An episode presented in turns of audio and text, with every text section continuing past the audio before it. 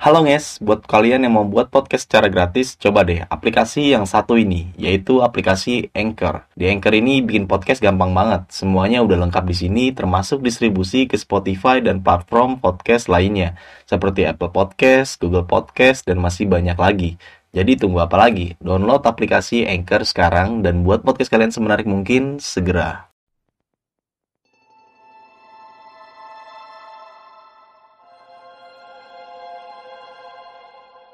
Udahlah gue udah gak kuat kata dia kata dia gue udah gak kuat gue mau nyerah aja. Lu tinggalin gue aja.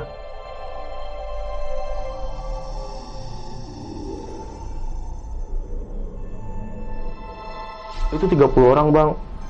Itu ada yang jagain di depan ada yang jagain belakang. Terus yang gotong di tengah tim gotong di tengah. Takut yang di depan pada jatuh kan ditahan gitu. Dan gue kaget bang di situ.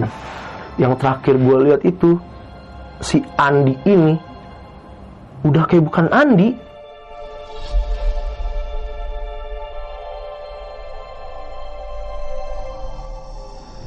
secara fisik ya secara fisik udah bukan dia bang. Gue lihatnya udah kayak mayat. Lebam-lebam biru dan dingin.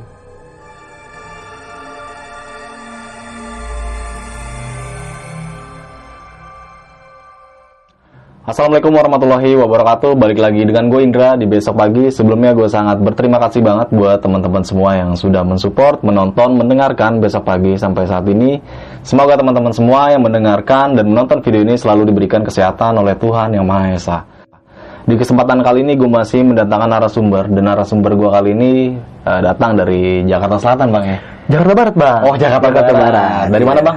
dari Kemanggisan Kemanggisan. Iya. Oke, mungkin kita langsung aja nih sapa narasumber gua. Mungkin teman-teman semua yang menonton video ini penasaran sama narasumber gua. Halo Bang, apa kabar? Halo.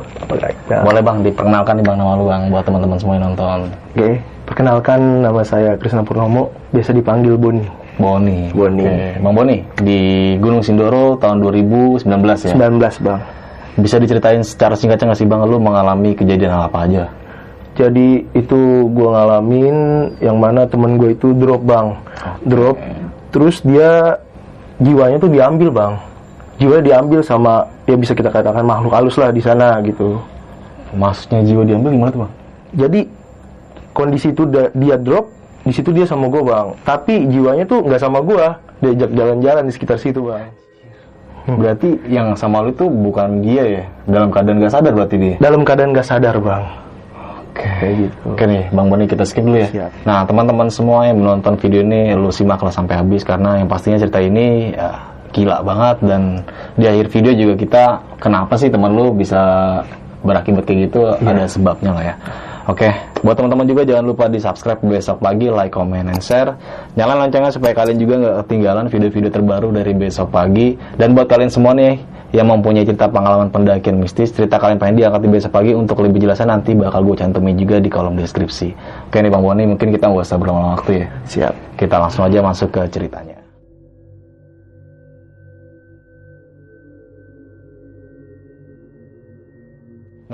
Nih Bon, lu kan tadi sempat menjelaskan ya kalau teman lu itu awalnya tidak sadar diri ya. Tidak Dan sadar tadi lu diri. Iya. katakan juga jiwanya itu Disain sama raganya.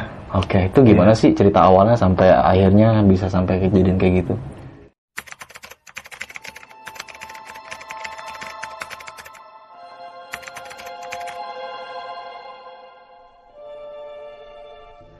Jadi ceritanya seperti ini bang awalnya. Awalnya itu gue ngerencanain pendakian Sindoro tahun 2019, tepatnya bulan Agustus. Waktu itu gue berdua doang awalnya bang, sama teman gue yang namanya Rifki.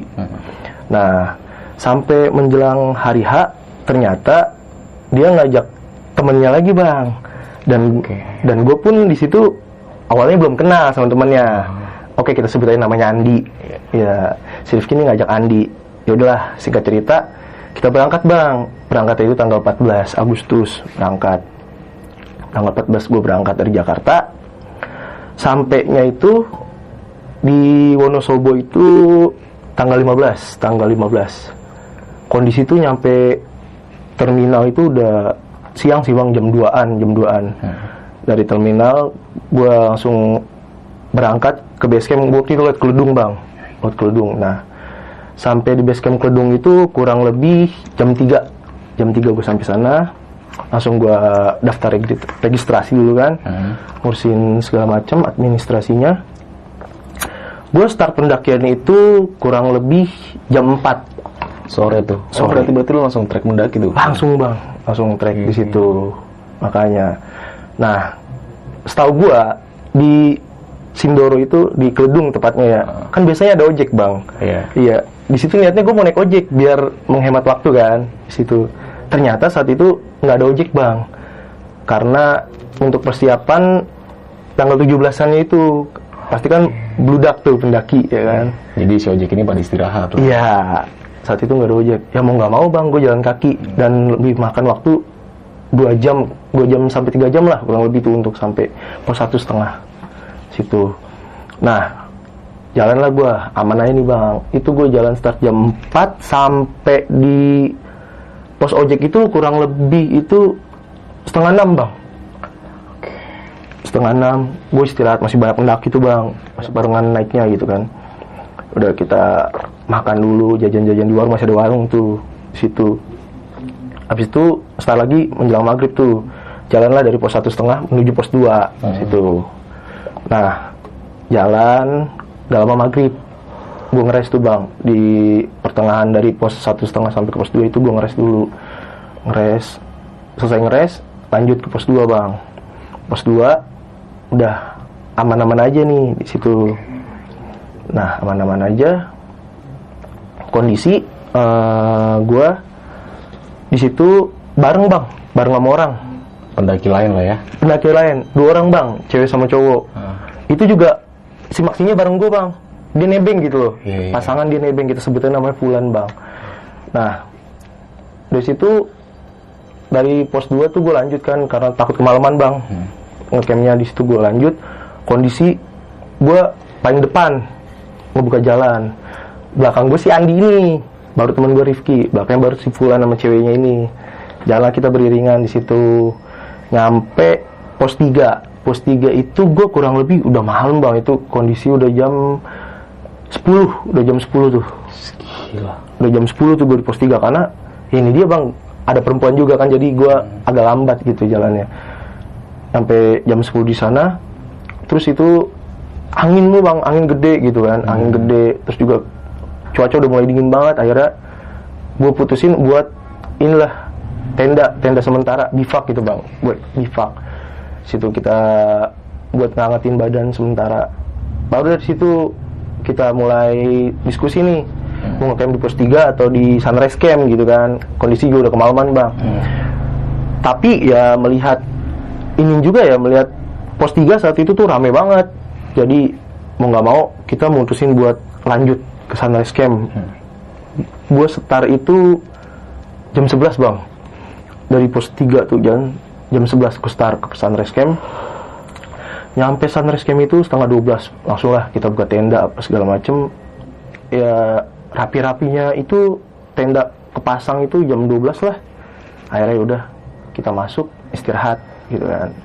Istirahat Nah, sebelum istirahat tuh gue bilang ya kan, kalau emang mau muncak, ya mau nggak mau kita bangunnya jam 3 kalau nggak jam 4 lah gitu. Oke. Karena kan di Sindoro itu setengah sebelas sudah nggak boleh di puncak. Iya. Iya, jadi ya udah, gue bilang gitu sama yang lain, habis itu istirahat. Bangun-bangun itu gue duluan bang, bangun jam 3 Bilanglah gue nih sama temen gue nih yang dua, si Rifki sama si Andi. Gue bilang, ayo mau summit nggak? Gue bilang gitu, mau summit nggak? Mereka tuh kayak kelelahan gitu bang, kayak kelelahan. Terus juga dari makan kan agak telat bang, Iya. karena gue langsung jalan aja tuh gitu kan. Nah, gue ngomong mau, mau lanjut gak? Mereka bilang lanjut, katanya lanjut, jalan lanjut. Gue gue pastiin lagi, serius nggak apa-apa, serius lanjut aja gitu. Nah, udahlah. Masih ketawa-ketawa nih bang, masih masih ya nggak ada tanda-tanda apa-apa lah, masih aman-aman Fine aja. ya di situ. Fine, fine, fine aja di situ. Nah, gue tawarin lah si Fulan nih sama pasangannya di kan tenda depan gue tanyain. Gue bilang bang, mau summit gak? Gue bilang gitu, mau summit gak? Kalau nggak mau nggak apa-apa, gue bilang gitu. Hmm. Soalnya gue sama temen-temen gue mau summit. Akhirnya dia bilang mau ikut bang, mau ikut summit. Oh ya udah, keluarlah kita keluar.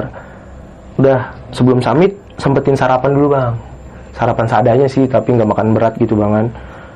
sarapan seadanya udah di situ barulah bang si Andi ini bang tiba-tiba dia kayak lemas gitu gue tanya di lu kenapa gitu kan? Lu kenapa? Dia bilang sama gue nggak apa-apa gue nggak apa-apa. Serius kalau lu drop atau lu ngerasa nggak enak badan mending kita nggak usah samit semuanya. Iya. udah aja di sini.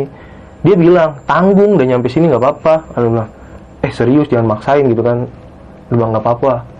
Nggak apa-apa nggak apa-apa gue lagi beres-beres bang. Dia tuh muntah bang. Pojokan. Mm-mm. Iya, gue bilang, lu serius jangan maksain. Gue gue nggak apa-apa kata dia gitu. Terus nih, udah. Akhirnya berangkat tuh bang. Itu lumayan lama sih. Maksudnya buat buat berangkat ke arah summit gitu ya. Mm. Di situ sempet, ya itu dia ngurusin si Andi dulu apa beres-beres yang lain dulu. Oh kurang lebih gue startnya itu setengah lima lah. Setengah lima abis ajan subuh tuh. Setengah lima baru muncak gue jalan muncak gua bareng tuh banyak pendaki juga kan banyak muncak gitu kan jalan sampai lepas dari sunrise camp itu setengah lima kan? Setengah Iya. lima kondisi masih banyak pendaki tuh bang bareng banyak pendaki mau arah summit nah jalan itu kurang lebih satu jam lah. Sunrise bang. Sunrise kita ngeres. Karena ngeliat golden sunrise gitu bang. Foto-foto segala macem kan di situ. Itu masih bareng bang. Masih berlima nih. Eh, masih tuh ya, satu tim masih masih masih berlima klub kita biasalah bang foto-foto mengabadikan momen gitu kan. Udah. Si Andi pun yang nggak ada tanda-tanda drop bang. Masih kayak sehat aja gitu. Sehat di situ dia kayak sehat banget bang. Foto-foto seneng dia seneng udah. Karena gue tanya nih ayo lanjut gak lanjut gitu kan. Lanjut. Ya udah gue jalan duluan lagi gitu kan bang. Jalan duluan lagi. Kondisinya tuh gue pertama itu belakang gue si Andi sama si Ripki belakangnya si Fulan sama pasangannya gitu kan. Udah jalan tuh gue dempet gitu kan jalan. Nah di setelah sunrise itu ada setiap beberapa langkah gitu si Andi sama si Ripki ini berhenti berhenti buat foto bang. Kayak belum puas lah mungkin ya. Ya ya udah gue tungguin bang. Gue tungguin gitu kan gue tungguin. Dia ngomong sama gue si Ripki Boni lu kalau mau duluan duluan aja gitu gue bilang gue nggak duluan. Gue bilang gitu. Nyantai aja gue mah. Orang puncak gak ke mana-mana gitu kan. Hmm. nyantai. Masih foto-foto lu gue tungguin bang. Gue jarak 10 meter lah di atas mereka gitu. Udah akhirnya jalan lagi. Jalan lagi nyampe sebelum batu tata itu masih masih 15 menit lah dari ba- batu tata. Mereka bilang udah bon lu kalau mau duluan duluan aja ke batu tata. Jalannya kelihatan sih dia gitu.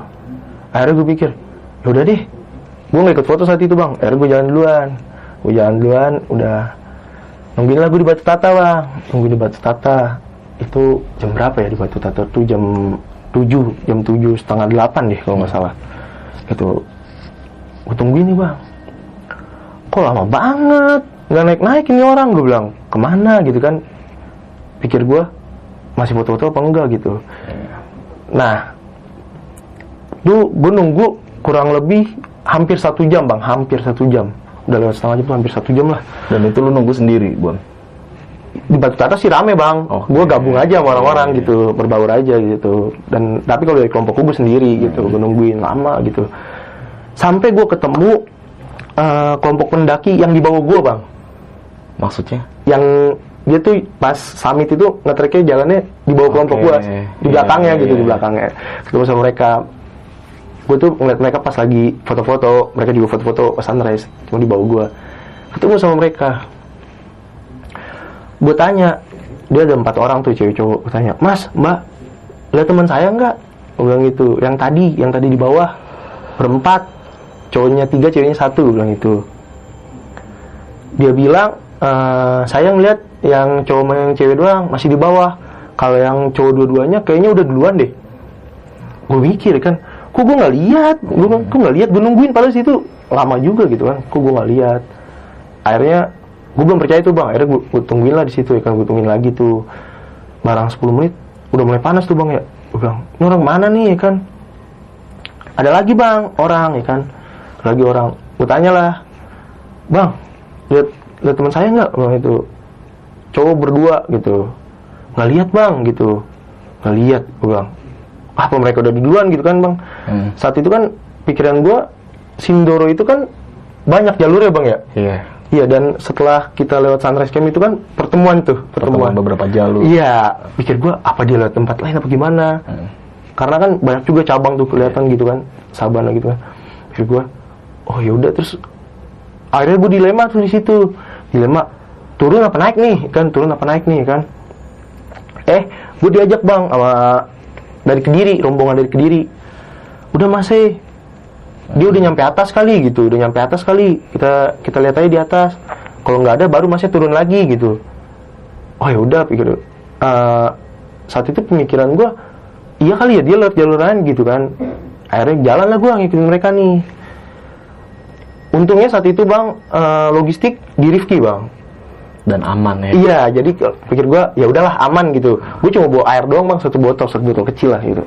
Air naik gua tuh parang tuh nyampe puncak itu gue jam berapa ya? Jam setengah sembilan apa jam sembilan tuh gue nyampe tuh di situ.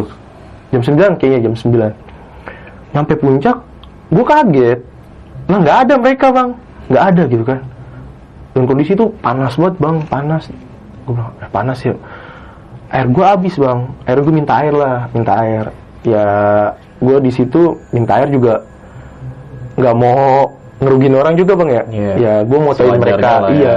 maksudnya ya timbal baliknya Oke, gitu bang. feedbacknya. feedbacknya Ah. gue foto-fotoin mereka. Pasti kan mereka mau foto rame-rame Iya, gitu iya, kan. ayo sini mau foto nggak? Minta air ya tapi bilang gitu. Iya, ya iya, kayak iya. gitulah. Kayak gitu kayak gitu. Udah selesai nih bang. Itu setengah jam lah gue di atas untuk istirahat juga bang ya karena capek juga dari atas. Terus gue ngomong nih sama uh, kelompok yang barengan sama gue tadi yang orang kediri masih gue bilang gitu saya turun lah nyari teman saya nggak ada gue bilang gitu kan teman saya dibawa kali gitu nah yaudahlah akhirnya dia nggak mau ninggalin gue sendiri bang akhirnya dia turun juga Si rombongan kediri nih. Iya, Oke. dia berlima, cowok semua. Yaudah mas, bareng aja. Lah, kalau masnya masih mau di puncak nggak apa-apa, gue bilang gitu. Saya sendiri aja. Kata dia, nggak usah bareng aja mas, bahaya kalau misalnya sendiri gitu. Akhirnya bareng tuh sama gue turun bang. Turun, nyampe lah gue di Batu Tata. Lah gue ketemu si Fulan sama si pasangannya ini bang. Yang cowok-cowok itu ya. Iya, ketemu. Itu gue di sampai Batu Tata lagi itu jam udah jam setengah sebelas lah, setengah sebelas. Gue tanya, bang temen gue mana? Gue bilang gitu. Dia ngomong sama gue, loh temen lu di bawah berdua. Emang kenapa? Si Andi drop, si Andi drop. Kok lu tinggalin bang? Gue bilang gitu kan. Ah. Kok lu tinggalin? Kata dia. Ya ini cewek gue mau minta ke puncak. Gue lihat jam di situ udah setengah sebelas. Bang, di puncak tuh kan di Sindoro nggak boleh bang kalau udah setengah sebelas. Soalnya kan ada abu vulkanik tuh bang ya, Iya. bahaya gitu aturannya. Dia bilang, ya kapan lagi bang katanya gitu. Gue juga nurutin cewek gue. Oke. Iya, akhirnya dia tetap memaksain kali ya. Ya udahlah, gue cuma bilang, ya udah gue minta air lah, gue bilang gitu. Gue nyamperin temen gue, gue bilang gitu. Lu hati-hati ya ke atas, gue bilang gitu. Ya udah akhirnya gue turun bang, turun. Gak lama, ketemulah. Teman lu ini. Iya, Rivi sama si Andi. Kondisinya pas gue dari atas, bang gue lari tuh bang, bener-bener lari bang. Tuh dari batu tata, ternyata masih jauh bang. Mereka tuh udah berusaha turun lagi bang. Gak mau ke atas, berusaha turun ke sana lagi bang. Gue lari tuh. Di situ ada yang dampingin gue itu orang Tangerang bang, berdua. Itu orang Tangerang, dia dampingin gue. Kan gue cerita tuh di eh, batu tata gitu, temen gue di bawah gitu kan. Akhirnya dia nemenin gue bang di berdua. Yang kelompok kediri ini masih stay foto-foto di batu tata. Akhirnya gue turun, ketemu lah nih bang. Ketemu sama temen gue sama si Rifki si Andi. Kondisinya itu pas gue lihat si Andi tuh tiduran bang. Si Rifki duduk di sampingnya. Kayak si Rifki tuh kayak nge-support dia gitu. Ayo bangun gitu bangun gitu gitu akhirnya samperin kan bang. Samperin kondisi saat itu Sindoro cuacanya lagi panas banget bang. Terus debu kan debu gitu debu, debunya parah. Lalu gue turun gue bilang dia kenapa? gitu. Nggak tahu tadi tiba-tiba drop gitu. Tiba-tiba drop nggak kuat jalan ya kan. Gue tanya lah bang. Masih nyambung nih diajak ngobrol si Andi. Di lu kenapa? Gue bilang gitu kan. Nggak apa-apa gue kayak nggak enak badan. Terus gimana? Lu mau mau digotong aja gimana nggak usah nggak usah gue kuat jalan tapi pelan-pelan ya bentar-bentar gue istirahat gitu. Yaudah iya. Dah. akhirnya gue jalan bang. Bopong nih awal gue bopong berdua dia nggak mau. Gue jalan sendiri. Ya lah bang lima langkah. Break. break lima langkah break. Nah gue kasihan kan sama rombongan yang dari Tangerang ini bang. Hmm. gue bilang kan bang lu kalau misalkan mau duluan duluan aja bang. Makasih banget udah ditemenin nih bang. Bilang gitu. Ada di bang gak usah bang. Gue temenin tak kalau ada apa-apa kasihan lu berdua digituin Mhm. Iya, akhirnya dia tetap di belakang gue tuh bang, di belakang gue. Gue berdua nih, lima langkah break, lima langkah break, sampai kurang lebih jalan sekitar setengah jam bang. Itu pun nggak jauh ya, setengah jam karena break terus kan. Itu udah gak kuat bang. Tiduran, tiduran, matanya ke atas. Dia bilang sama gue, eh udahlah gue udah gak kuat kata dia kata dia gue udah gak kuat gue mau nyerah aja lu tinggalin gue aja. Ya gimana gue masa ditinggalin gitu kan? Ya gue mikir udah yuk kita kita bopong aja gitu. Tapi ternyata nggak semudah yang gue kira. Treknya itu kan curam bang di situ. Iya. iya akhirnya gue nggak bisa bopong dia kan. Di situ akhirnya gimana nih? Satu-satunya cara ya gue support dia bang. Gue support dia saat itu pikiran gue ya gimana ceritanya? Nggak apa-apa cicil pelan-pelan gitu. Yang penting sampai sunrise camp dulu gitu kan. Mhm. nah saat itu dia udah gak kuat bener-bener bang. Benar-benar drop tuh kondisinya. bener-bener drop. Tiduran ya bang mulai tiduran. Di situ mukanya udah mulai biru-biru bang. Mulai udah mulai biru-biru gitu. Nah awalnya sih belum ada gejala hipo bang. Awalnya belum ada gejala hipo kayak pure lah. Asam lambungnya naik gitu kan. Nah udah awalnya kayak gitu lemas nggak kuat. Nama tapi namanya asam lambung kan nyebar bang ya. Iya, jadi ke semuanya. semuanya iya kayak gitu. Nah gue ngeliat kondisinya udah nggak memungkinkan ya gimana nih kan? Akhirnya gue duduk. Nah yang orang Tangerang ini tuh bilang sama gue bang kita stopin pendaki-pendaki yang turun aja bang. Buat gotong ke bawah gitu. Oke, estafet jadi modelnya. iya nggak nggak estafet bang. Maksud gotong rame-rame gitu bang. Oke. iya. Akhirnya mau nggak mau tuh bang kayak gitu. Gue duduk tapi tanpa diminta orang-orang emang udah niat bantuin bang gitu. Sukarela lah mereka tuh pas ngeliat dari jauh eh ini kenapa? Kenapa? gitu kan. Ini bang gini gini cerita apa segala macem. Sampai kurang lebih itu bang yang yang ngumpul di situ itu 30 orang. Gila, lambai banget. dan mereka nggak ada yang mau ngedawilin gue bang. Oke. Nungguin lu ya? Iya, itu solidaritasnya gue akuin bang, pendaki-pendaki bang. Dia bilang, gue udah bilang ya, nggak apa-apa bang, mau duluan duluan aja gitu. Gue cuma minta bantuan beberapa orang aja, kata dia. Gak apa-apa nggak usah gini-gini. Atau ada yang bawa hati lah bang, pendaki senior ada yang bawa hati, ngabarin ke base camp bang. Dia ada yang apa-apa, nggak direspon sama base camp, nggak bisa direspon kan. Yaudah, jalan satu-satunya ya udah bang, cuma bisa digotong nih sama sunrise camp gitu kan. Ya udah, itu 30 orang bang itu ada yang jagain di depan ada yang jagain belakang terus yang gotong di tengah tim gotong di tengah takut yang di depan pada jatuh kan ditahan gitu. Yang belakang nahan juga. Gitu bang. Susah bang. Benar-benar susah. Karena kan bu- kita bukan tim sar juga ya. Iya. jadi beda tik-tiknya gitu kan. Turunlah kita pelan-pelan bang. Itu juga lama banget bang. Lama sampai itu baru sampai sunrise camp itu jam berapa ya? Jam 12 lah. Jam 12 bang. Tapi tuh perjalanan menuju sunrise camp wah itu Perjuangannya gila ya. parah bang. Gua gua gua sama si Rifki ini bagian palanya Andi bang. Hmm. jatuh jatuh gua bang di depan. Dibangunin lagi jatuh jatuh setiap gua jatuh ada yang nahan. Ganti gantian bang estafet nahannya. Wah itu salut sih bang. Kalau nggak ada mereka gua nggak tahu bang tuh. Utang budi juga gua sama mereka bang. Nah pas nyampe sunrise camp itu yang namanya kita udah rame gitu bang turun. Yang di sunrise camp pun kayak apa ya kayak langsung notice gitu. Wah ada apa nih? Gitu kan. Langsung ada apa? Langsung rame bang mereka tuh. Kayak ngu- ngumpul ngeliat orang ada yang drop. Adalah satu kakak-kakak itu dia eh, baik banget bang. Dia langsung nyuruh si Andi nih taruh di tendanya dia. Tendanya dia tuh gede bang. Kap 8 langsung ditaruh bang di situ. Ya udah. Di situ semua orang bang. Satu sunrise camp. Kayak ngeliat kondisi ya ada yang kepo-kepo juga lah segala macem. Di situ gue lihat juga wah udah udah crowded tuh. Terus ditanya kan banyak yang nanya juga ini temennya mana temennya mana? Ya udah gue cuma berdua kan bang. Cuma berdua naik cuma berdua. Sebenarnya berlima tadi yang dua di atas. Kok bisa gitu kan? Ya dia cuma ikut-ikutan doang juga gitu maksudnya asal ikut gitu bareng doang. Ya udah nih temennya cuma berdua. Ini nggak bisa nih kayak gini kan. Ini gimana nih? Akhirnya adalah beberapa orang yang handphonenya disinyal bang coba ngabarin base camp. Diangkat.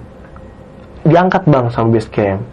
Cuman ya apa ya nggak tahu ya saat itu tuh mungkin responnya kurang kali bang ya dari base camp. Mungkin atau ada proses-proses tertentu gue juga nggak ngerti gitu kan untuk evakuasi orang gitu kan. Akhirnya udah di situ kondisi bang si Rifki itu di dalam tenda sama Andi dan didampingin yang lain-lain di situ gua bang. Gua itu domel-melin bang. Sama. sama pundak-pundak senior. Kenapa dia Mel? harus ada yang turun bilang. Salah satu temennya harus ada yang turun. Oke, buat eh, manggil. Manggil ranger manggil petugas gitu kan. Akhirnya kan di situ ya udahlah bang. Gue di situ se- sempet manggil Rifki dulu diskusi nih. Hmm. jangan sampai miskomunikasi kan. Kira-kira gimana nih baiknya ya kan? Gue juga nggak mau bang ninggalin si Rifki ini bang maksudnya. Ya ya masih ada ketakutan juga lah bang. Pengalaman dia mendaki belum banyak juga gitu saat itu. Akhirnya gue gue diskusi sama dia. Harus ada yang turun di antara kita gue bilang gitu kan untuk manggil ranger biar bisa evakuasi gitu kan. Akhirnya debat-debat akhirnya gue putusin gue aja yang turun gitu. Gue aja yang turun dulu jagain dia gitu. Toh di sini rame gitu kan. Di sini tuh rame orang yang bantuin gitu.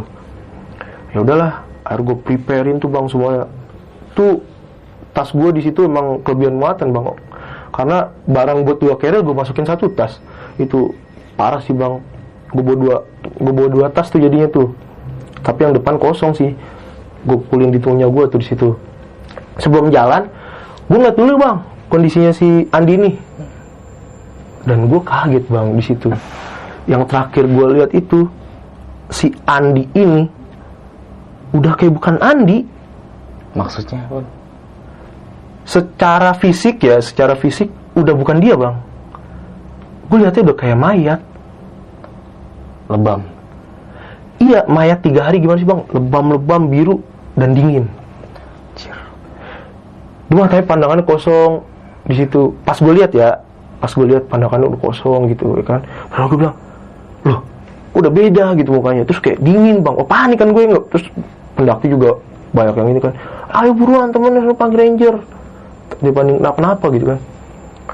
Kalau dibilang hipo ya dia kayak orang gejala hipo juga tapi di situ panas bang. Gak masuk akal. Iya nggak masuk akal. Menurut gua. Hari udah. Tuh kondisi jam 1 siang. Tanpa istirahat dari atas tuh bang, gua turun, gua turun. Dan perjalanan turun pun nggak semudah yang gue bayangin. Saat itu kan ada ekspedisi pengibaran bendera 74 meter bang, 17 Agustusnya. Dan gue turun tanggal 16, itu barengan orang-orang pada naik. Di situ. Jalur tuh macet bang. Pendaki nggak putus-putus. Ribuan pendaki tuh bang. Tapi gimana bang? Gue juga harus cepet gitu kan. Itu gue bawa barang banyak. Gue lari bang. Teriak-teriakan. Gue teriak-teriakan misi misi gue bilang gitu. Misi misi. Temen gue mau meninggal gue bilang gitu. Misi misi. Udah panik bang. Gue juga udah, udah keringet dingin gue takut anak orang lewat bang. Kayak gue lari kan gue lari. Sampai ada kejadian juga gue nabrak orang bang. Itu pendaki lagi macet gue nggak dikasih lewat bang. Gue tungguin gue nggak dikasih lewat. Dan mereka tuh kayak kayak berkerumun. Akhirnya gue gue teriak gak dia diabaikan sama mereka. Eh gue lari aja bang. Gue lari gue tabrak lah bang. Jatuh lah satu orang di situ. Cuma gue teriak maaf maaf gue bilang gitu. Temen gue Arjen nih gue bilang gitu, Arjen Arjen gue lari gue lari. Sampai gue sampai sampainya tuh di pos 2 pos 2 itu gue nyampe pos 2 itu jam setengah tiga. Jam setengah tiga itu gue udah kehabisan tenaga bang. Gue istirahat akhirnya ngeres gue di pos 2 gue ngeres di situ adalah beberapa pendaki yang naik. Biasalah bang basa-basi nanya sama gue kondisi trek di atas gimana apa segala macam berapa lama lagi gitu. Ya di situ udah gue cerita akhirnya sama dia. Gue bilang bang ntar kalau ketemu temen gue di atas kalau butuh apa tolongin bang ya soalnya temen gue di atas karat bang gue bilang gitu. Ada dia bang "Kenapa- bang temennya? Hipo. Ya dibilang hipo. Ya nggak tahu deh bang. Cuma kayak gitu kondisinya udah parah banget. Gitu. oh yaudah gitu. Kondisi itu istirahat setengah jam lah bang. Mm. terus gue sempet ngasih minum juga ke pendaki yang naik. Nih bang buat lu dah gitu. Gue nggak usah bilang itu gue bawa air kecil doang. Turun tuh bang gue lari lagi. Jam 3 gue lari set, 15 menit gue udah di pos satu satu setengah bang. Iya benar-benar gue lari tuh nggak istirahat. Ada ojek langsung bang nggak pakai gue nanya harga nggak pakai apa langsung gue tubruk. Gue bilang bang bang ayo bang buruan buruan. Teman saya mau mati di atas gue bilang gitu buruan anterin saya ke base camp. Aduh juga ngebut tuh bang ya kan. Udah ngebut turun sampai base camp itu jam 4 kurang bang. Jam 4 kurang udah nyampe base camp langsung gue turun. Gue turun dari ojek gue bayar kabur ke dalam tuh gue carry gue lempar bang. Tuh kondisi base camp lagi crowded rame banget bang orang bang. Karena itu kan barengan itu barengan acara itu tuh. Gue lempar aja bang terus gue ngasal gue udah gak ngerti dah. Gue tinggalnya barang-barang gue gue lari ke arah pos pendaftaran tuh registrasi di dalam base camp di situ banyak yang orang pendaftaran tuh bang. Tapi gue gue selak-selak tuh bang. Gue bilang misi misi urgent nih gue bilang gitu kan. Akhirnya gue buat laporan bang. Gue buat laporan. Bang tolongin teman saya bang di atas gue bilang gitu. Teman saya kenapa temennya? Cuma kan gue ngomongnya ya namanya kondisi panik Iya. segitu ya bang ya. Ter- tergesa-gesa gitu kan nggak jelas juga. Akhirnya diajak masuk gue ke dalamnya ke dalam secretnya tuh ke dalam sekretariat. Gue diajak masuk kenapa sini minum dulu. Minum tuh bang. Minum ya kan. Kenapa? Gue ceritain bang kondisi kronologis lah gini gini gini udah segala macem. Terus gue dikasih lembaran buat laporan buat laporan. Akhirnya gue buat laporan udah? Itu lu tulis. tulis. Tulis dikasih lembaran gitu lembaran Oke. laporan sama dia. Gue buat laporan segala macem udah. Di situ udah setelah bikin laporan gue tanya dong. Mm-mm. ayo mas kapan mau ke atas? Saya mau ikut. Gue bilang gitu. Gue mau ikut tuh bang di situ. Saat itu gue nggak ngerasain capek sama sekali bang. Gak ngerasain capek padahal ya kalau pakai logika buset. Itu gue nggak istirahat dari puncak lagi kan. Tapi di situ ya mungkin rasa khawatir sama Teman lu ini ya. dia khawatir sama panik. Gue juga masih ini kan masih membara-bara gitu kan. Ya udah akhirnya mau nggak mau gitu kan gue maksain diri buat ngikut tapi tetap dilarang sama mereka bang. Dilarang akhirnya. Jangan gitu. Kamu di sini aja istirahat. Kamu juga masih manusia digituin. Tapi saya panik ini teman saya. Udah serahin aja sama kami gitu. Mm. Iya, kamu tunggu kabar aja di sini gimana gimana nya. Tapi hati kecil gue kayak nolak gitu bang, karena ya mereka cuma di berdua bang di atas ya kan. Ya ada apa-apanya, masa gue cuma diem gitu bang. Dan gimana sih bang, posisinya temen lu lagi kondisinya udah mau sekarat dan kita nggak bisa kontekan gitu kan? Iya panik, bingung gue juga gitu. Tuh kondisi gue masih mau maksa gitu mau ikut. Mereka juga kayak apa ya, kayak ngeyakinin gue lah apa segala macam sampai ada satu orang nih bang satu salah satu ranger. Gue ingat tuh orangnya gue nggak tahu sih namanya siapa tapi gue kenal orangnya. Dia tuh ngomong sama gue cuma begini bang. Pundak gue dilus pundak gue dilus. Bilang istirahat. Kamu tuh capek banget begitu kamu tuh capek banget. Kamu nggak boleh maksain. Kamu masih manusia digituin bang. Abis itu bang pikiran gue langsung kayak cair bang. Kayak tenang kayak buyar. Terus itu juga aneh bang setelah dipegang ini badan gue sakit semua bang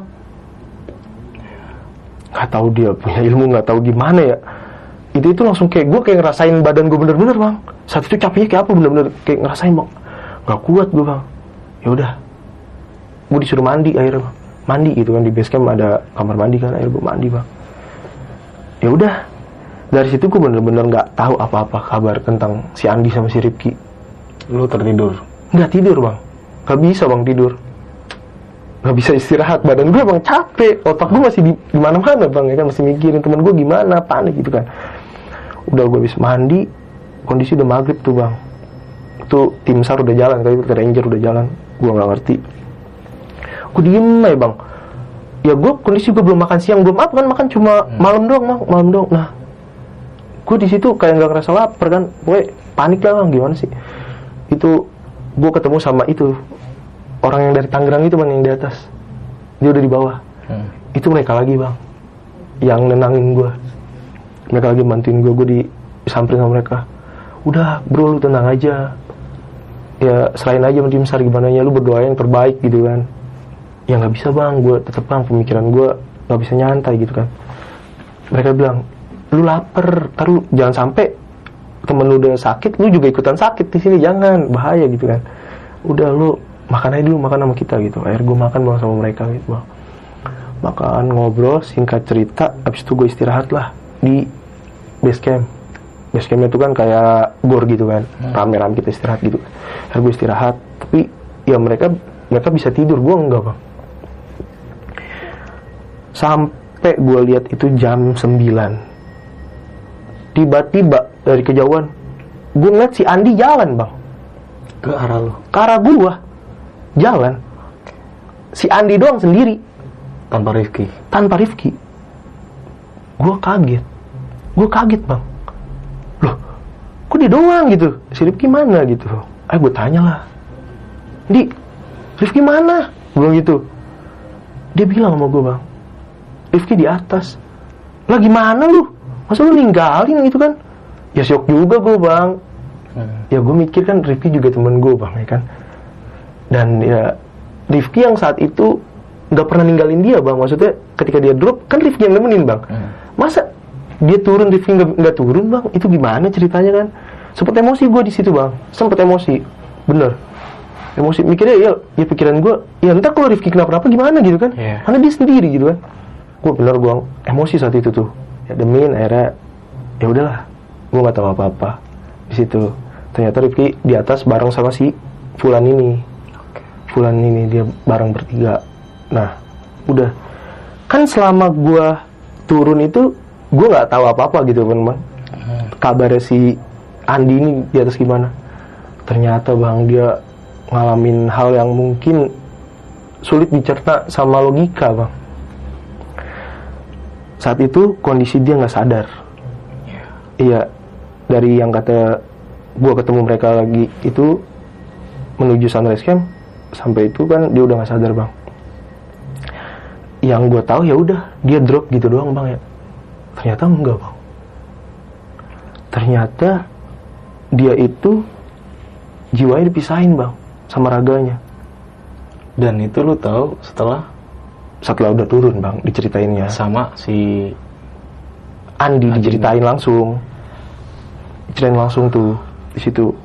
Ternyata tuh si Andi ini jiwanya dilepas bang dari raganya jadi dia bisa ngelihat bang raganya di dalam tenda dia bisa lihat di situ kan tenda itu di, dikerumunin orang banyak bang orang banyak para pendaki yang ada di sunrise camp dia bisa lihat gila sih Iya. Dan dia ngomong sama ngomong sama Rifki. Ngomong sama Rifki. Ini juga pengakuan dari Rifki. Pengakuan dari Rifki setelah Rifki turun ya. Dia ngomong sama si Rifki. Udah, Ki, lu tinggalin gue di sini. Gue udah nggak bakal pulang katanya gitu. Si Andi, Andi yang tapi iya, dalam kondisi nggak sadar. oke Waktu di Iya, iya. dalam tenda itu sama si Rifki. anjir merinding gua bang Iya dia ngomong, udah lu tinggalin gue, gue gak, gak bakal pulang katanya gitu, gue gak bakal pulang, gue udah banyak yang jemput. Si Andi ngungkapin begitu banyak jemput. Si Rifki ngomong gitu, ini pengakuan si Rifki nih bang, pengakuan si Rifki, kata-kata si Andi, dia ngomong gitu ke dia. Lu salami titip salam aja buat orang tua gue. Maafin kalau gue belum bisa bagian orang tua gue, katanya gitu. Di situ kondisinya si Andi si Andi pen- eh, balik lagi nih pengakuannya si Andi saat itu ketika dia ngomong kayak gitu ternyata kan yang realnya itu kan bang dia tuh dikelilingin sama pendaki kan bang ya Iya. Yang nolongin dia gitu yang bungkus dia pakai sleeping bag apa segala macem ternyata nggak cuma pendaki doang bang ya banyak makhluk makhluk itu juga bang mengelilingin si Andi itu Iya, gua nggak tahu yang ngelilingin dia apa kata dia. Udah bukan manusia semua di situ. Bukan manusia. Nah, udah. Dia bilang gua sama gua kayak gitu. Terus kan dia habis ngomong kayak gitu, Silky marah dong, Bang. Lu jangan kayak gitu. Emang lu pikir setelah lu nggak ada, semua selesai kan enggak. Makin repot urusannya. Gimana gua ngomong sama orang tua lu gitu kan. Pokoknya Rifki kayak tetep tetap support dia gitu. Tetep, ya bangkitin semangatnya dia gitu tapi ya kayak dia udah nggak sadar bang ya udah nggak gue ngomongnya udah salah ya bang asal udah nggak kuat mau cepet-cepet turun gitu bilangnya kayak gitu lah terus si Andi nih bilang sama gua dia itu bang diajak keliling dia ketemu pendaki-pendaki yang udah nggak ada bang. Ih pendak yang udah meninggal di tempat. Iya yang meninggal di Sindoro. Dia ketemu. Dan ada satu. Ada satu bang. Dan itu selalu dibahas sama sama gue Hmm. si Andi selalu bahas sama gue sampai sekarang gitu yang nggak bisa dia lupain. Yang mencolok itu dari semua pendaki yang udah meninggal. Ada satu pendaki bang. Itu menurut gue juga serem sih kalau gue bayangin serem. Dan dia bilang itu gue nggak bisa lupa. Itu serem banget buat gue dia ketemu pendaki bang. Jalannya kayang. Begini dong. jalannya kayang begitu bang. Lihat dia manjat pohon gitu bang manjat pohon. Loncat ke bawah. Anjir. loncat. Naik lagi bang. Ada lagi. Kayak gitu. Mereka adegan terus. diulang. Diulang terus bang. Nah itu kayak dia kaget gitu kan ketemu itu itu salah satu yang buat dia berkena, berkesan banget gitu buat dia sampai sekarang tuh. Nggak bisa lupa itu gitu kayang gitu motot ngeliatin dia dan setiap pendaki yang kayang ini naik pohon terus jatuhin ke, dirinya ke bawah bang setiap dia sebelum naik pohon pasti ngeliatin si Andi jadi sempet ngeliat ke Andi dulu baru Gila, gitu banget itu. Nah, kayak gitu bang. Dia ketemu banyak juga, banyak, ya itulah yang gue bilang kayak banyak macam makhluk gitu ya. Hmm. Nggak ngerti. Si Andi ngomong lagi sama gue bang. Gue diajak ke pasar. Gue bilang pasar, di mana pasar? Di atas ada pasar. Pasar, gue bilang. Serius ada pasar. Pasar bener yang lu lihat. Ya nggak tahu. Di atas ada pasar. Aktiv- Aktivitas pasar. Mungkin itu yang dinamai pasar setan. Ya. Iya, gue nggak tahu bang. Dan gue juga nggak tahu. Menau soal Sindoro saat itu gue pertama kali bang. Hmm.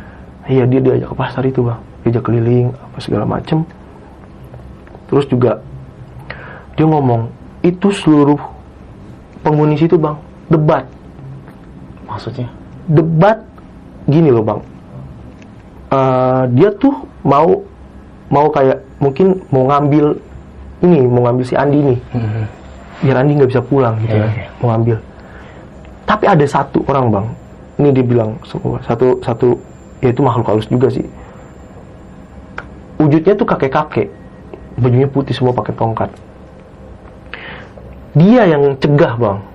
Dia yang cegah semua makhluk itu buat nggak bawa si Andi ini. Satu-satunya dia. Dan dia tuh punya kata si Andi ini si Aki-Aki ini punya piaraan. Kayak kerak gitu bang. Putih. Kayak Hanoman lah gitu matanya merah dan gue sempat lihat bang. Di? Pendakian dari pos 2 ke pos 3 itu malam gue sempet ngeliat. Tapi gue ngeliatnya cuma ya udah gitu. Iya, jadi iya. kondisi gue ngeres. Dia tuh ada di semak-semak gue ngeliat ada mata merah bang. Gue cuma ya udah gue nggak notice. Nggak notice ke sana sana gitu. Emang gue tahu ada yang lihat gitu. Dan Candi bilang sama gue pasti lu juga lihat waktu itu lihat apa? Gue bilang gitu kan lihat apa? Iya itu yang gue maksud kera itu.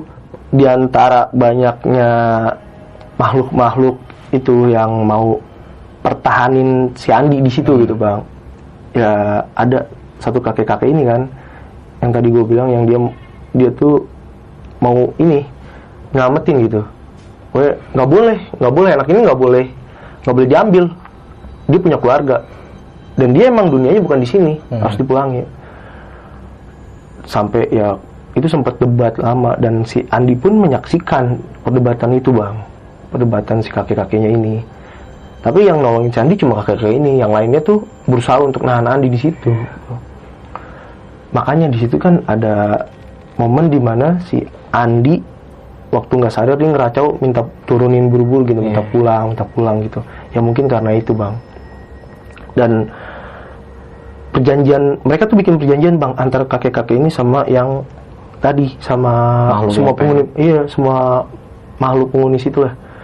Bikin perjanjian kalau sampai tengah malam si Andi nggak dievakuasi lewat bang Andi. Si Andi lewat di situ.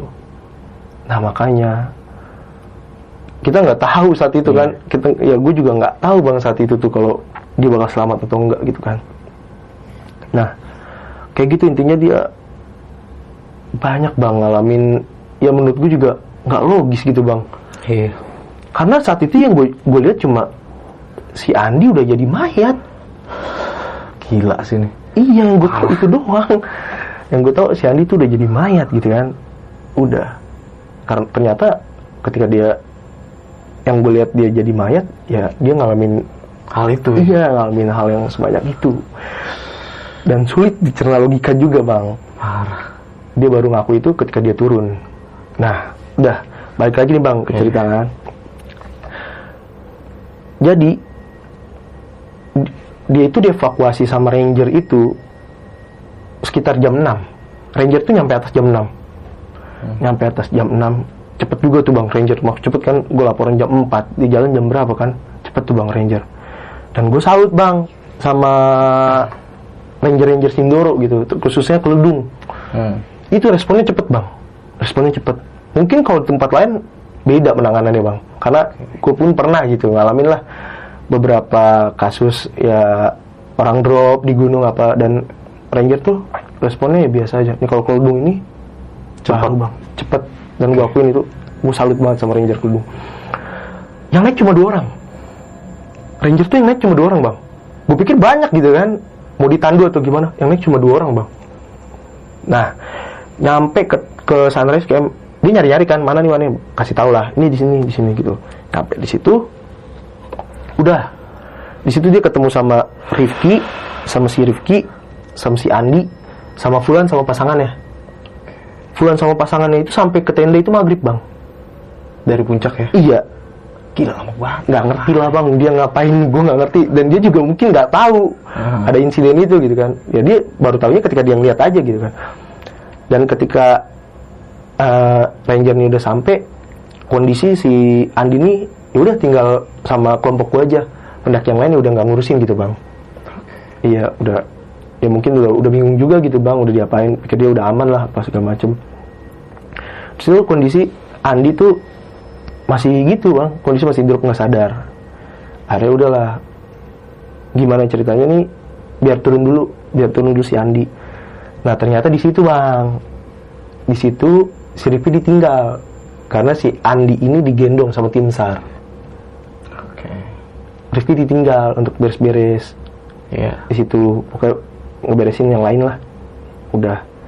Akhirnya si Andi ini turun digendong sama tim SAR digendong dia cerita juga bang digendong tuh tim SAR tuh kuat banget katanya. Tim SAR tuh badannya lebih pendek dari si Andi. Cuma ya itu dia bang jalannya cepet. Yang gendong satu orang bang. Iya cepet banget gitu. Dia di evakuasi berarti kan dari atas tuh jam 7 sampai bawah tuh jam 9 udah, udah ketemu gua bang. Berarti kan cepet banget bang itu jalannya iya. Nah selama di situ ya udah si Andi tuh bilang sama gua ya ketika dia udah dievakuasi tim SAR dia udah mulai sadar bang. Dan dia udah udah ngerasain neraganya dia sendiri.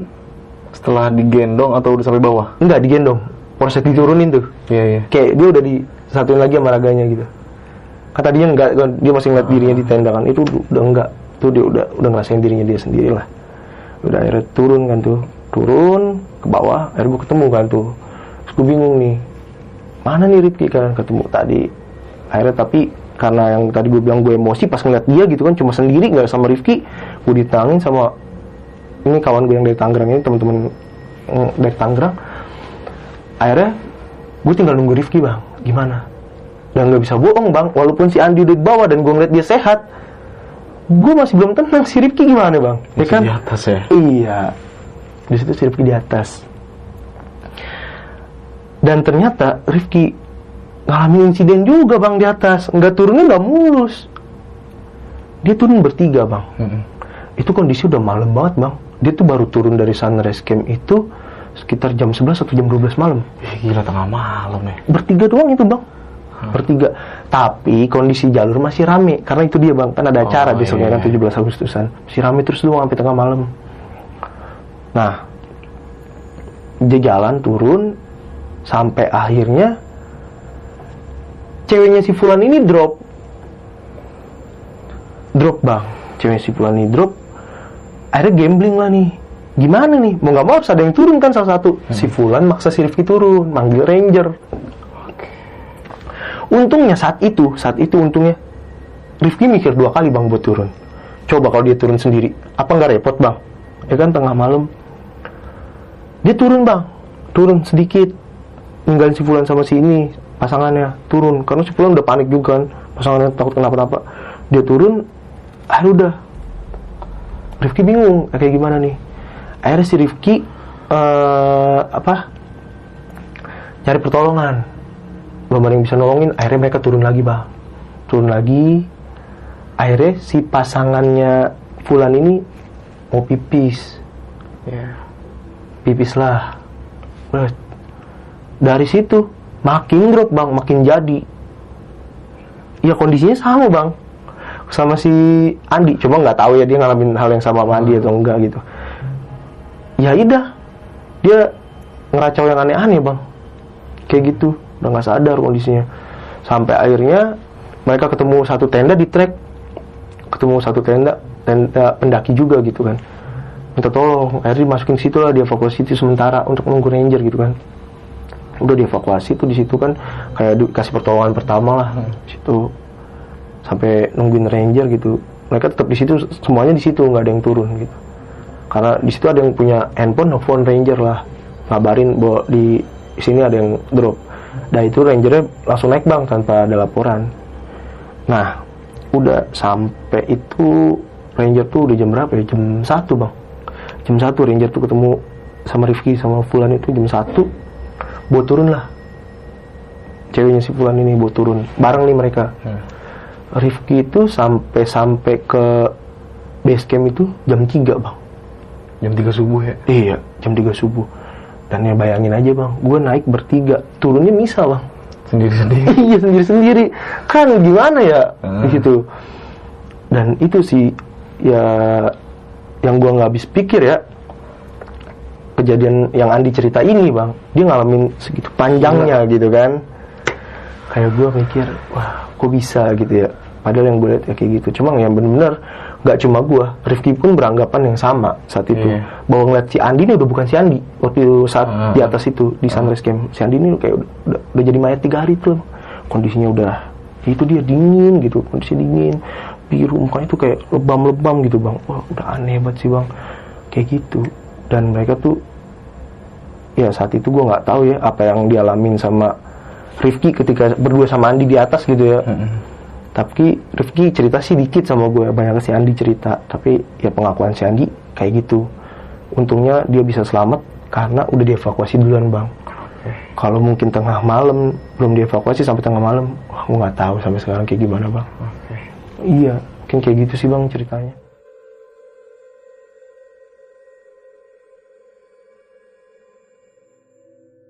Oke nih Bon, thank you banget nih ya. Lu udah mau berbagi cerita pengalaman pendakian lu di Gunung Sindoro tahun 2019. 19 bang Wah ini gila, gue denger gak percaya gue Bon.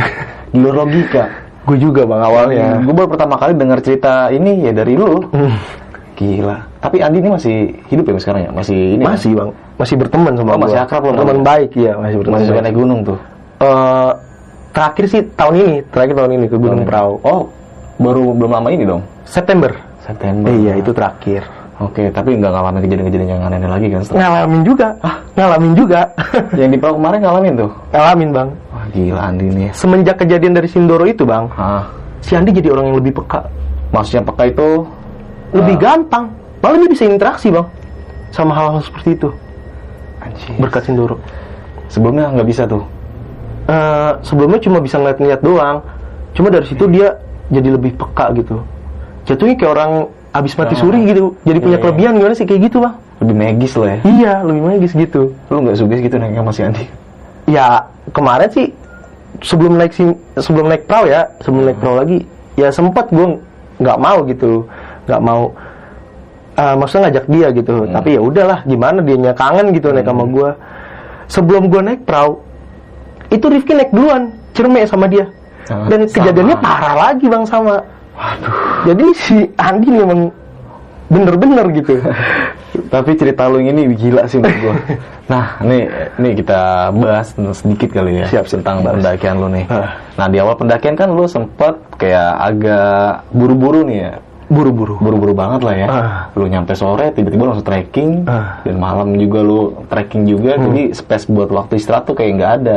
Iya nggak sih ya? iya betul bang Dan pada malam itu juga lu memutuskan kayak aduh, gambling tuh memutuskan untuk camp di tempat ini atau di pos sunrise camp pos ya tiga kan? tuh sunrise camp Dan itu tidak terjadi hal apa-apa lah ya. Enggak. Dan fine-fine aja ketika aja. sampai mau lu summit tuh tuh fine-fine iya aja. sampai ya. siang bang Dan pada akhirnya lu merasakan kejadian nih yang di mana lu menunggu teman lu ini kok nggak nyampe-nyampe Gak nyampe-nyampe Tungguin dan lu mengiranya dia udah di puncak Di puncak, padahal ya Padahal enggak. mereka turun lagi Heeh. Heeh. Dan kondisi Andi benar-benar drop dah. iya Dan cerita baru dimulai di situ nih. dari situ Gila. Nah, lu tadi sempat menjelaskan kalau si Andi ini punya asam lambung nih, Bon. punya asam lambung Nah, dia sempat menjelaskan per- awal pendakian emang dia, gue punya asam lambung nih. oh enggak Oke, gimana tuh? pas pulang Oh, setelah kejadian itu? iya baru turun Baru dia ngomong. iya asam lambungnya kambuh gitu Oke, kurang Iya. sarapan kali ya. iya dan itu pendakian itu emang gua minim banget makan bang Hmm. minim banget maksudnya makan berat ya Iya. makan kalau cemilan mah tetap jalan gitu makan beratnya itu pas ya sebelum gue tidur sebelum gue tidur mau ke summit itu itu baru makan berat Dan lo harus bangun lagi jam 3. Iya. jeda waktu istirahat cuma kayak 3 sampai 4 jam Iya. doang ya kan? iya gue sempet nawarin kan eh, tetap summit atau enggak Ah. tapi si Andi ini ngajak summit akhirnya ya udahlah Dan si Andi ini mengakuin kalau dia saat kondisi drop itu asam lambung. Eh, waktu di jalur. Dia bilang kayaknya asam lambung gue naik gitu ya gue tanya emang punya asam lambung punya kok lu nggak ngomong gitu ke gue kayak gitu Nah, si Andi ini setelah mengalami bener nggak sadar tuh pas sampai mana sih, Bon? Pas di trek waktu lo evakuasi apa waktu di dalam tenda nih? Pas udah sampai sana. oh dari dari ini bang dari yang kata gue masih berdua sama Rifki Itu dia udah bener-bener nggak sadar tuh. Eh, ya sadar masih setengah-setengah sampai akhirnya kan dia jatuh banget tuh bang akhirnya emang udah nggak bisa lagi kan karena gue juga nggak nggak kuat buat evakuasi berdua nunggu orang banyak itu udah nggak sadar Dan di sini salutnya lu uh, ditolongin beberapa pendaki juga ya. Itu. Di situ solidaritas Itu pendaki itu jangan Banget. dimainin lah ya. Iya. Dan itu jangan sampai hilang menurut gua. iya jangan diragukan lagi Nah, sampai akhirnya lu mengevakuasi nih ya si Andi ini ke Sunrise Camp. Iya. Dan di situlah dimulai tuh ngelihat wujud si Andi ini kayak udah bukan iya orang normal lah ya. Tadi lu sempat menjelaskan kalau dia tuh udah kayak mayat ya. bener bang kayak Maya Nah itu kayak mayatnya gimana sih Bun? Kalau mayat kan biru ya kan, biru Hmm. lebam. nih yang gue lihat saat itu ya terakhir ya terakhir kali sebelum gue turun nih. Kan gue nggak banyak lihat karena yang banyak lihat tuh si Rifki karena Rifki dalam tenda. Gue tuh fokus beresin yang lain karena gue mau turun gitu mau manggil ranger. Yang gue lihat itu kondisi terakhir sebelum gue gue turun itu si Andi tuh kaku bang. Badannya tuh kaku kaku banget gitu. Kaku. Mukanya tuh udah ungu lah. Udah ungu. Dan lebamnya bang kayak orang bonyok bang. Kayak orang dipukulin gitu bang. Bonyok. Kayak orang bonyok. Terus ya udah aneh lah bang. Mukanya bukan dia banget gitu bang. Bukan dia banget. Terus juga dingin. Dingin seluruh badannya dingin bang. dingin, Bang. iya dingin. Mata itu pandangannya udah lurus lurus saya bang. Lurus. Tapi mulutnya masih ngoceh, Ngoceh. Tapi pas gue lihat nggak ngoceh. Dia ngocehnya sama Rifki Si doang. Rifki. Heeh, jadi yang tahu dia ngomong apa ya Rifki. Itu. Gila. Di kondisi itu, di kondisi itu lu benar-benar kayak ngalamin panik jelas lah gue pasti ngalamin hal yang sama kan ketika gue ada di posisi lu ya. Nah, lu cara mengatasi panik lu kayak gimana tuh? waktu kapan bang waktu, Waktu perjalanan sampai di tempat eh, sunrise camp ngelihat lu harus pemilih lu harus turun. Gimana nih teman gua? Sedangkan nggak ada pendaki yang mau nganterin lu turun. Nggak ada bang. Dan situasinya pada saat itu emang benar pendaki itu rame kan? Rame pada mau naik. Nah, di situ nggak ada kayak inisiatif segala macam, ayo gua anterin turun bang atau estafet, nggak ada. Mencari promosi. gue malah domelin bang. Oke, Iya banyak orang pendaki lagi. Lu turun gitu, lu turun, lu temennya kan udah lu turun bang ranger gitu. Ya udah, ya kan? dan sempat juga lu mengabarin ranger ya? Ah, Lu sempat di situ ngabarin ranger juga kan? Eh, orang bang, orang yang ngabarin, telepon. Nelfon, Iya orang handphonenya ada sinyal gitu. Dia coba ngabarin base camp gitu. tapi nggak ada respon. Direspon, cuma Oke. ya mungkin nggak secepat kalau kita Oke, turun kali ya iya, gitu. iya.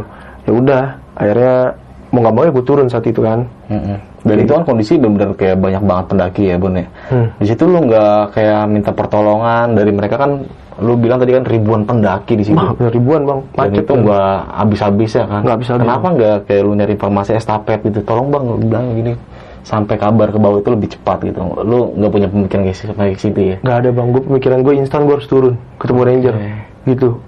Dan nggak ada sama sekali pendaki yang mau eh, nganterin lu gitu? nggak ada nggak ada ya yang turun ya turun aja gitu Oke. mungkin eh, mereka ya nggak sampai ke situ kali bang ya maksudnya Hmm. pemikiran untuk nolonginnya gitu cuma Hmm. cuma bisa sampai ngasih pertolongan pertama doang gitu ya baik lagi lah bang Iya, setiap mereka yang naik pasti punya ego masing-masing. Gue pasti Iya, mau. di situ kan makanya gue juga dan itu juga bang yang harus kita pelajarin nih bang ya Hmm. ya untuk semua nih semua teman-teman pendaki ya minimal minimal banget lah Hmm. gitu naik gunungnya bertiga Iya, coba kalau berdua bang. Yang satu dop yang itu harus gimana? Ya kan? Ah, gambling. iya mau ninggalin temennya yang udah-udah makin makin repot kan? Iya. malah makin bahaya. Mau nggak ninggalin temennya yang nggak ada pertolongan bang. Jadi minimal bertiga bang. Kalau satu drop yang satu nemenin yang satu nyari pertolongan kan? Kayak gitu. Itu yang gue pelajarin bang. Dan sampai pada akhirnya lu turun sampai ke base camp dalam keadaan yang benar-benar super panik ya. wah panik banget bang. Tuh kalau gue nggak ketemu itu ranger yang ngusir gue oh gue masih mau naik ke atas bang Nah, ini gue mau nanya nih lu ngelus-ngelus itu nih.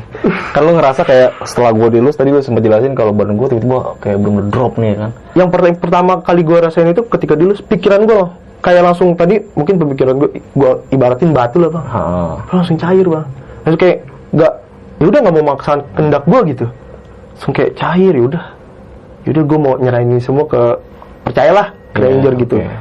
Emang seharusnya kayak gitu cuma ya tetap bang nggak bisa dibohongin kan namanya Iya. sama panik gitu kan nah di situ pas dilus kan dilus gue ngerasain kayak gitu pertama pemikiran dulu ya di situ baru bang gue kayak ngerasain badan gue semua itu capeknya kayak Capek apa banget, nah ya. turun dari puncak bang Gila sih puncak lu udah sampai sunrise camp dalam kondisi wah mana gua kredit banget lah Iya. posisi lu waktu itu.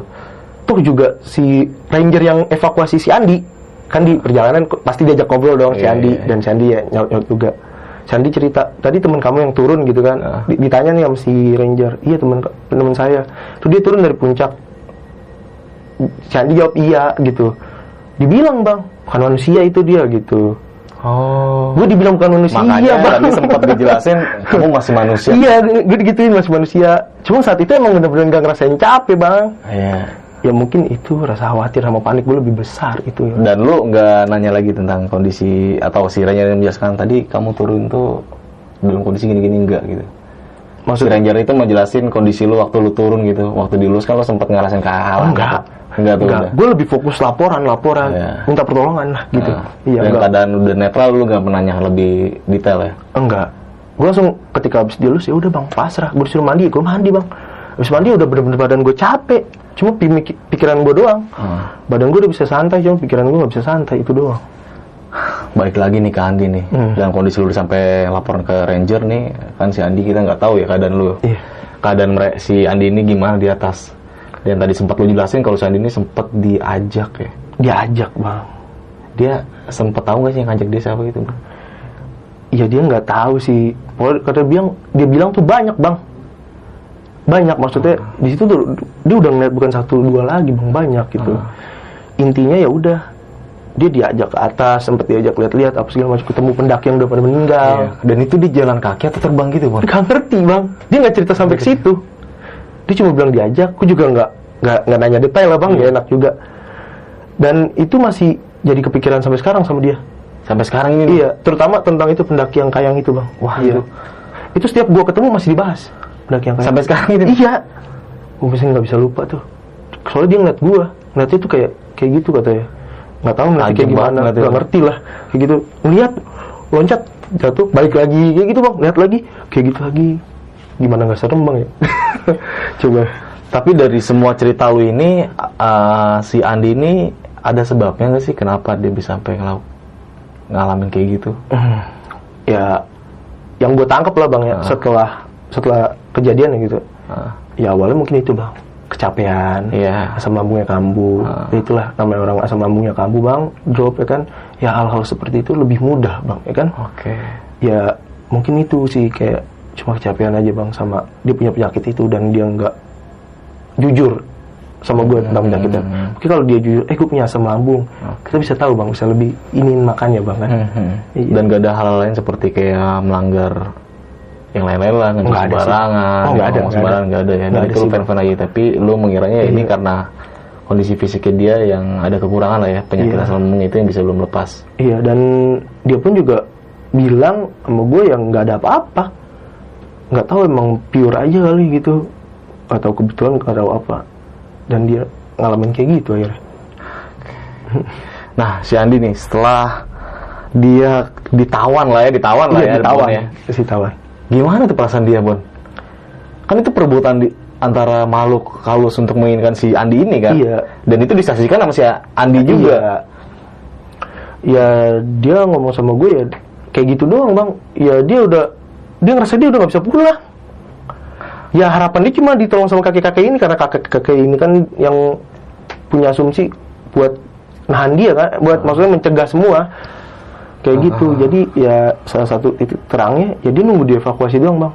makanya mungkin itu dia minat buru-buru turun gitu walaupun awalnya kan dia sempet ngomong kan tinggalin gua udah nitip-nitip pesan lah Iya. bang kayak gitu Itu waktu keadaan ngomong lantur ya, Bon? ya? iya Ngomong lantur ke si Rifki ini. ke si Rifki bukan ke gua karena gua di luar bang di luar tenda Ah. gua nggak di dalam gua sibuk sama pendaki-pendaki lainnya gimana Ah. caranya ini ngevakuasi si Andi gitu Dan si Pulan ini nih. Si Pulan lu lu masih ada kontak-kontakan sama si Pulan ini? Nggak ada. Jadi itu oh pure gua aja nggak tahu namanya dia bang oh lu Gua sejak naik gunung itu dia bareng sama lu nggak tahu sama sekali namanya? mungkin dia lebih dekat sama Rifki bang Oke. lebih dekat sama Rifki tapi mohon maaf nih bukannya gue nggak mau dekat sama dia gue gue kurang suka juga bang dari awal dia omongannya tinggi Oke oke. Iya, Beda iya. genre lah kalau musik lah ya. Eh, Beda iya. genre nih sama gua nih. Iya cerita pengalamannya udah naik gunung ini naik gunung gini bang. Ya gue biasa aja nggak mau ya udahlah nggak mau notice itu. Ya tetap bareng tetap bareng enjoy bareng gitu kan. Cuma ya ada part di mana ya ya adalah sifatnya dia yang menurut gue yang kurang serk sama gue ya salah satunya itu dia tahu temen gue drop Kenapa ditinggal? dia, kenapa ditinggal? Itu. Demi perempuan mau sampai puncak. Itu, Tapi dia- dia nggak kenapa-napa untungnya ya. Untungnya bang, eh tapi kan endingnya kan Endingnya iya. gitu ya. Si perempuannya ngalamin juga bang. Nah, si perempuan ini kan ngalamin sama yang tadi lu bilang kata kayak si Andi nih ya. Gue nggak tahu dia ngalamin kayak gitu juga kayak si Andi atau cuma hipo, gue nggak ngerti sih bang. Hmm. Tapi yang jelas katanya si hipo kayak gitu. Hipotermia. Ah, Dan di basecamp ketemu sama lu. Si cewek itu enggak, Masih beda basecamp. ah enggak, dia di secret bang, Heeh. di secret ini secret ranger. Heeh. Jadi kan gue pas di base camp itu kan ya udah buat pendaki kan ya udah kita ramean gitu kan sama Hmm. di situ. Secretnya ada sendiri gitu, secretnya ada sendiri. Nah si perempuan itu tetap di secret itu sampai siang siang lah siang jam menjelang siang jam 9 Ah. baru gue ketemu si perempuan itu. Bahas dah tuh, apa lu bahas tentang kejadian. Enggak, gue nggak nggak bahas-bahas, gue nggak nanya-nanya lah, gue nggak enak. Dan- Dia, dan perempuan itu lebih nanyain si Andi. Oke. Hmm. Lu kenapa? Lu gimana? Lu udah nggak apa-apa gitu, Ah. kayak gitu. Dia khawatir. Dan pada intinya lu balik lagi ke rumah dengan selamat lah ya.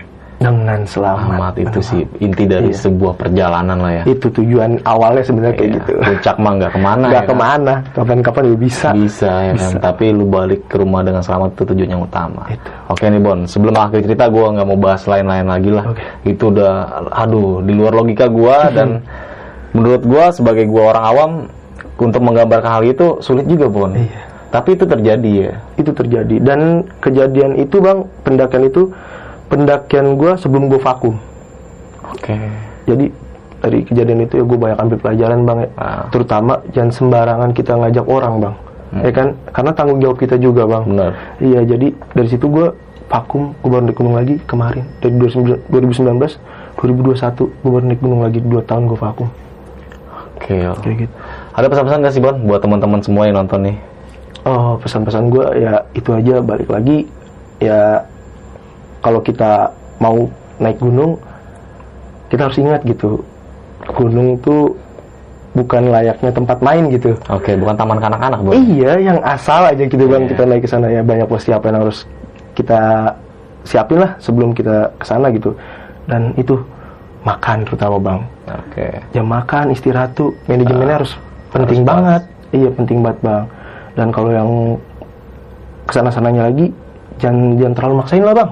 Mm-mm. Itu jangan terlalu maksain. Toh puncak gak ke mana-mana. Hmm. Kalau kita rasa kondisi kita udah nggak memungkinkan, ya udah. Gak usah dipaksa. Iya, Iya. kayak gitu daripada bahaya kan itu juga si Andi kan awalnya juga maksain juga bang ya Hmm. dia pikir dia masih bisa kapan lagi gue ke sini gitu kan Mm-mm. tapi kenyataannya kan malah nyusahin sendiri Iya. iya Dan yang terpenting buat teman-teman semua nih adalah kejujuran ya Bon ya. jujur harus Kalau lu punya kayak penyakit bawaan terus, apalagi lu mau mendaki gunung nih ya kan, eh, cobalah lu diskusi dulu sama teman sependakian lu itu gimana baiknya supaya tidak terjadi apa, supaya tidak terjadi hal yang tidak diinginkan. Salah satu contohnya ya lu ini ya Iya, yang lu alamin. betul.